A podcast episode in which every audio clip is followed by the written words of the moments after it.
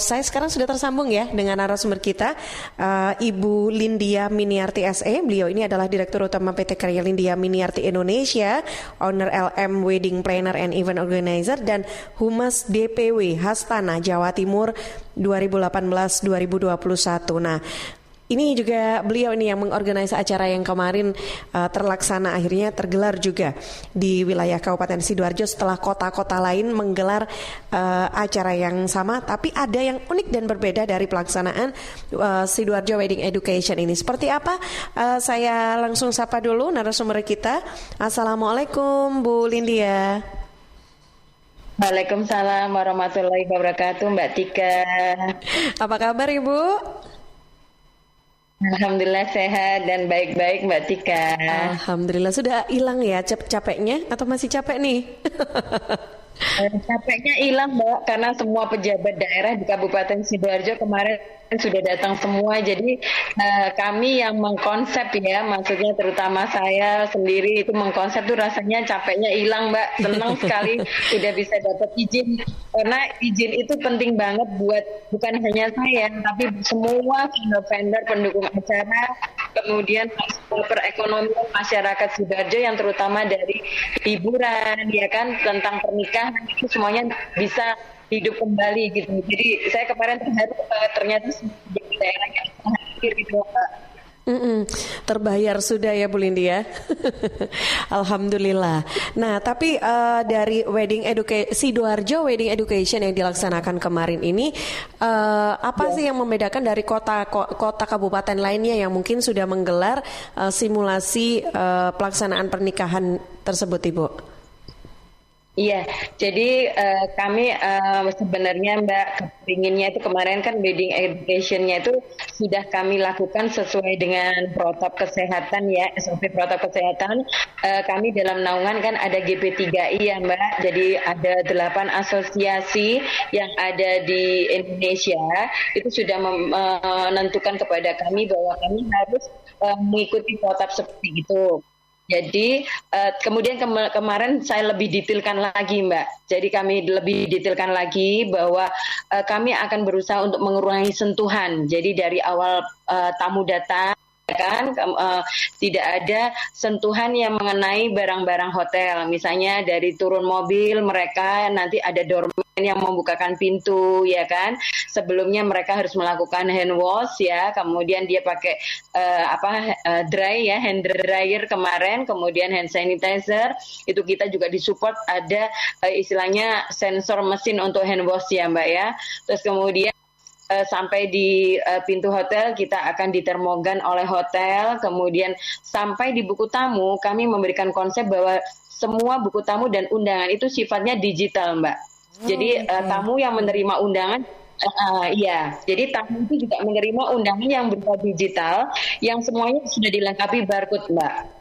Jadi barcode itu akan di uh, scan ya, kemudian untuk dari buku tamu di scan, kemudian dia sampai untuk transfer dana, istilahnya memberikan tali kasih ya berupa uh, transfer uang atau kalau kado boleh diterima, cuman kita tidak menyarankan untuk memberikan kado ya Mbak, karena itu akan juga barangnya harus kita disinfektan lagi, karena kan kita tidak tahu barang dari luar ya. Kalau misalnya uh, transfer kita sudah siapkan juga uh, istilahnya barcode untuk transfer ke rekening pemangku hajat. Jadi kemarin itu sempat sudah kita coba dengan Bupati kepada Bapak Kapolres, beliaunya sangat mendukung sekali kalau memang uh, teknik yang kita pakai seperti itu, gitu. Mm -hmm. Kemudian sampai di buku tamu uh, mereka sudah uh, bisa transfer dana, kemudian mereka akan menuju ke ruang uh, ballroom, ke ballroom. Nah itu apabila di uh, ruang tunggu pertama dan ruang tunggu kedua masih penuh sama tamu mbak jadi itu mereka tidak bisa langsung ke ballroom karena kita membuat ada dua ruang tunggu uh, jadi istilahnya ada waiting room satu waiting room dua baru ke ballroom nah dari uh, sebelum ballroom itu kita ada TV plasma yang akan menginformasikan berapa jumlah tamu yang ada di dalam ruangan ballroom itu. Itu Mbak. Hmm. Jadi kita konsep itu. Jadi nanti kalau apabila di ballroom itu ada yang keluar untuk mengambil souvenir, itu di TV TV plasma yang kita pasang di waiting room itu akan menginfokan bahwa di ballroom itu sudah ada berkurang misalnya 10 orang. Nah, itu 10 orang dari waiting room kedua baru boleh masuk. Begitu, Mbak. Jadi kita benar-benar mengurangi kerumunan.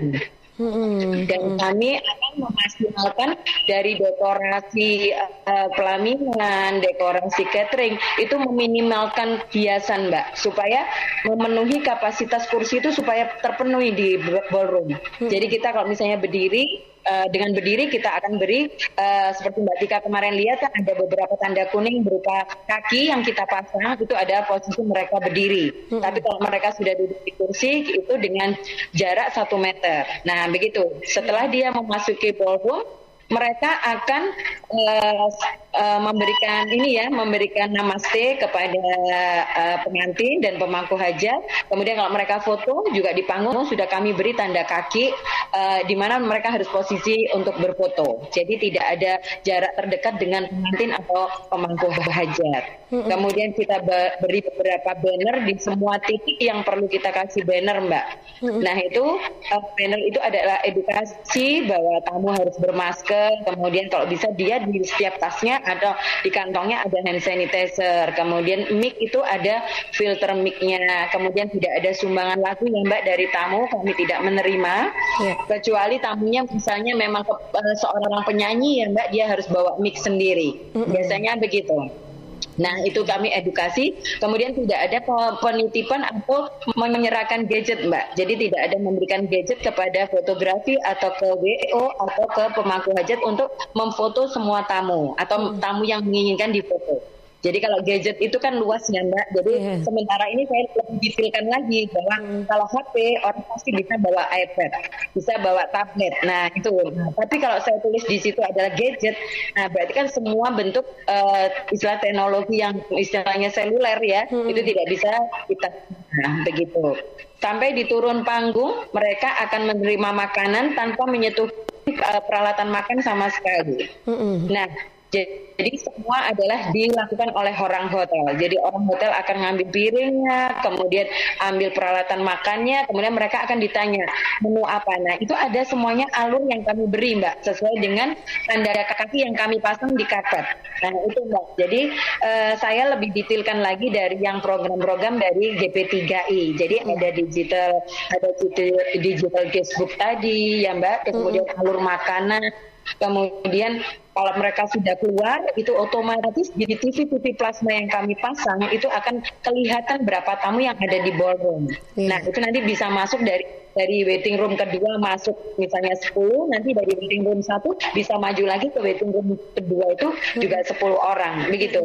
Oke. Okay. Dan kemarin dari depan sudah kami detailkan Mbak bahwa uh, ada satu banner lagi yang kami tekankan bahwa untuk keselamatan kita semua juga dan juga tamu bahwa anak di bawah 15 tahun tidak tidak boleh masuk ya Mbak. Ibu hamil menyusui, kemudian uh, orang tua ya orang tua yang istilahnya uh, mungkin memakai uh, kursi roda atau orang tua yang ada menderita stroke atau apa itu tidak kita perkenankan masuk. Tapi kita ganti untuk makanannya yang kita berikan itu adalah souvenir dan hampers. Jadi uh, mungkin anaknya yang bisa masuk ke ballroom untuk namaste ke pemangku hajat menyatakan bahwa bapaknya sama ibunya mungkin bisa hadir cuma tidak bisa memasuki ballroom. Jadi kita banyak edukasi mbak di situ. Mulai jadi kita mulai dari banner kemudian MC sebagai motor itu kita memberikan skrip rundown, air script rundown dan script apa Mbak Cipar itu harus lebih detail lagi Mbak karena kita harus menekankan SOP protap kesehatannya begitu okay. Mbak. Wow, secara detail ya dan itu uh, apa ya memang benar-benar ketat dijaga begitu ya. Betul, ya, hmm. karena kan amanahnya dari Pak Nur kemarin, karena kita kan sudah ada simulasi dua kali Mbak kemarin hmm. di sidoarjo. Hmm. Kami kebetulan kan hari Minggunya udah selesai ya, kebetulan, yeah. kebetulan juga dihadiri Bapak Wakil Bupati, beliau melihat. Cuman kami menambahkan lagi teknologi lagi digital tadi Mbak di Facebook dan barcode itu scan hmm. uh, souvenir barcode juga itu di uh, yang kami di hire oleh Five Hotel sidoarjo. Okay. Kalau yang awalnya kemarin launchingnya catering Mbak, catering sidoarjo sidoarjo mm -mm. gitu. Oke. Okay. Nah, jadi ada ya. pengembangan-pengembangan terus gitu loh Mbak Tika. Uh -huh. Jadi kita akan selalu mengevaluasi, memberikan konsep lain daripada yang lain gitu uh -huh. Mbak. Oke, okay. wow luar biasa. Nah, uh, Bu, ini uh, saya coba bacakan dulu WA yang masuk ya, ada yang sudah bergabung nih di WhatsApp Suara Sidoarjo. Bu Vina di Bluru iya. Kidul. Uh, selamat bertugas Mbak Tika, apa kabar? Uh, permisi Ibu, saya ingin sharing saja sedikit karena ini pengalaman dari saudara saya izin hajatan yang sulit yeah. itu malah di tingkat RT atau RW dan desa. Mereka saling lempar dan membingungkan. Izin RT RW dibilang suruh izin ke desa dulu. Setelah izin ke desa, disuruh izin lagi ke polsek. Sampai di polsek mereka bilang semua tergantung desanya. Kalau desa memperbolehkan, polsek tidak masalah. Nah, sebetulnya ini apakah begitu atau seperti apa ya Ibu? Lydia, mungkin boleh kita tanggapi dulu nih sharingnya dari Bu Vina. Ya, oke. Okay. Uh, eh, Ibu kemarin sep uh, seperti di apa namanya disampaikan oleh Bapak Haji Nur kemarin ya bahwa untuk saat ini kan sidoarjo sudah diizinkan ya Mbak akad nikah dan resepsi pernikahan asalkan sesuai dengan SOP protap kesehatan dan kalau bisa disarankan adalah di gedung yang tertutup ya Mbak supaya terpantau uh, bahwa mereka tidak berkerumun ya kan, tidak mm. mereka tidak apa bisa menjadi uh, social distancing ya misalnya menjaga jarak begitu. Nah, ini pengalaman kami kemarin di Surabaya, Mbak, jadi bukan di Sidoarjo, bahwa kami kalau misalnya sudah mengantongi surat izin dari uh, istilahnya kepolisian, Mbak, insya Allah itu RT RW-nya pasti akan boleh dan mengikuti, Mbak. Asalkan adalah surat pernyataan dari klien atau pemangku hajat, itu mereka uh, meminta izin gitu, Mbak. Mm -hmm. Kalau bisa juga kepada uh, gugus tugas, Mbak, kepala gugus tugas kita minta izin. Jadi uh, kalau bisa nanti uh, Mbak siapa tadi Mbak Vina yeah. atau siapa mm -hmm. keluarganya. Yeah bisa minta izin dulu Mbak. Jadi uh, awalnya misalnya RT RW mereka minta izin bahwa mereka akan menikah, kemudian di KUA itu biasanya ada surat pernyataan yang harus kita isi Mbak bahwa hmm. kita akan menikah di rumah itu akad nikah. Kalau resepsi kita kita harus ke polsek terdekat itu biasanya kita ke kanit intelnya Mbak ke Kanit Intel kita juga membuat surat pernyataan bahwa kita mau mengadakan resepsi di rumah, akad dan resepsi di rumah. Nah itu kita harus jujur juga Mbak berapa mm jumlahnya. Insya Allah nanti kalau memang uh, mereka akan memantau, mereka akan mengirim orang Mbak, mengirim uh, istilahnya uh, yang ditugasin untuk mengawas atau memantau acara kita di rumah. Oke. Okay. Itu Mbak. Mm -mm. Nah kemudian lebih kuat lagi kalau kita ke kepala gugus tugas. Kebetulan kan kepala gugus tugas di sidoarjo adalah Bapak Haji Nur sendiri kan, yeah. Bapak Wakil Bupati. Mm -mm. Apa Mbak bikin surat saja. Nanti ada orang gugus tugas yang akan di uh, istilahnya akan ditugaskan untuk me, ini memantau acara kita gitu. Mm -hmm. Jadi kita harus mematuhi SOP protap bahwa kalau di rumah itu kalau bisa memang berapa lokasinya setelah dikurangi dekorasi catering, setelah dekorasi panggung itu kita harusnya berusaha untuk 50% dulu Mbak. Kalau hmm. akad nikah kita eh, uh, 10 orang dulu, kemudian nanti ada keluarga kita bisa 30 orang begitu. Oke. Okay, Selama baik. ini kami nggak ada kendala begitu. Mm -mm. Yeah. Mungkin kalau di era pandemi yeah. gini memang lebih aman dilaksanakannya di hotel gitu ya Bu ya. Betul. Iya, uh, jadi di hotel iya. atau di gedung yang tidak ya, kalau gedung, memang kemampuan uh, calon pengantin atau pemangku hajat memang gedungnya kecil, ya hmm. kita akan bikin acaranya prosesi saja ya Mbak. Okay. Jadi kita saya akan memberikan tiba itu prosesi. Jadi di undangan tuh kalau bisa jam 9 sampai jam 10 hmm. gitu ya. Oh, Kemudian jam yeah. Iya. 11 sampai jam 12 gitu ya. Yeah. Jam uh. 1 sampai jam 2. Hmm. Nah, itu lebih aman karena nanti uh, kita kalau memang sudah bikin surat pernyataan izin dijaga hmm. polisi itu hmm. lebih aman Mbak dari daripada nanti di tengah-tengah acara hmm. kita akan dibubarkan itu kan kasihan. Hmm, okay.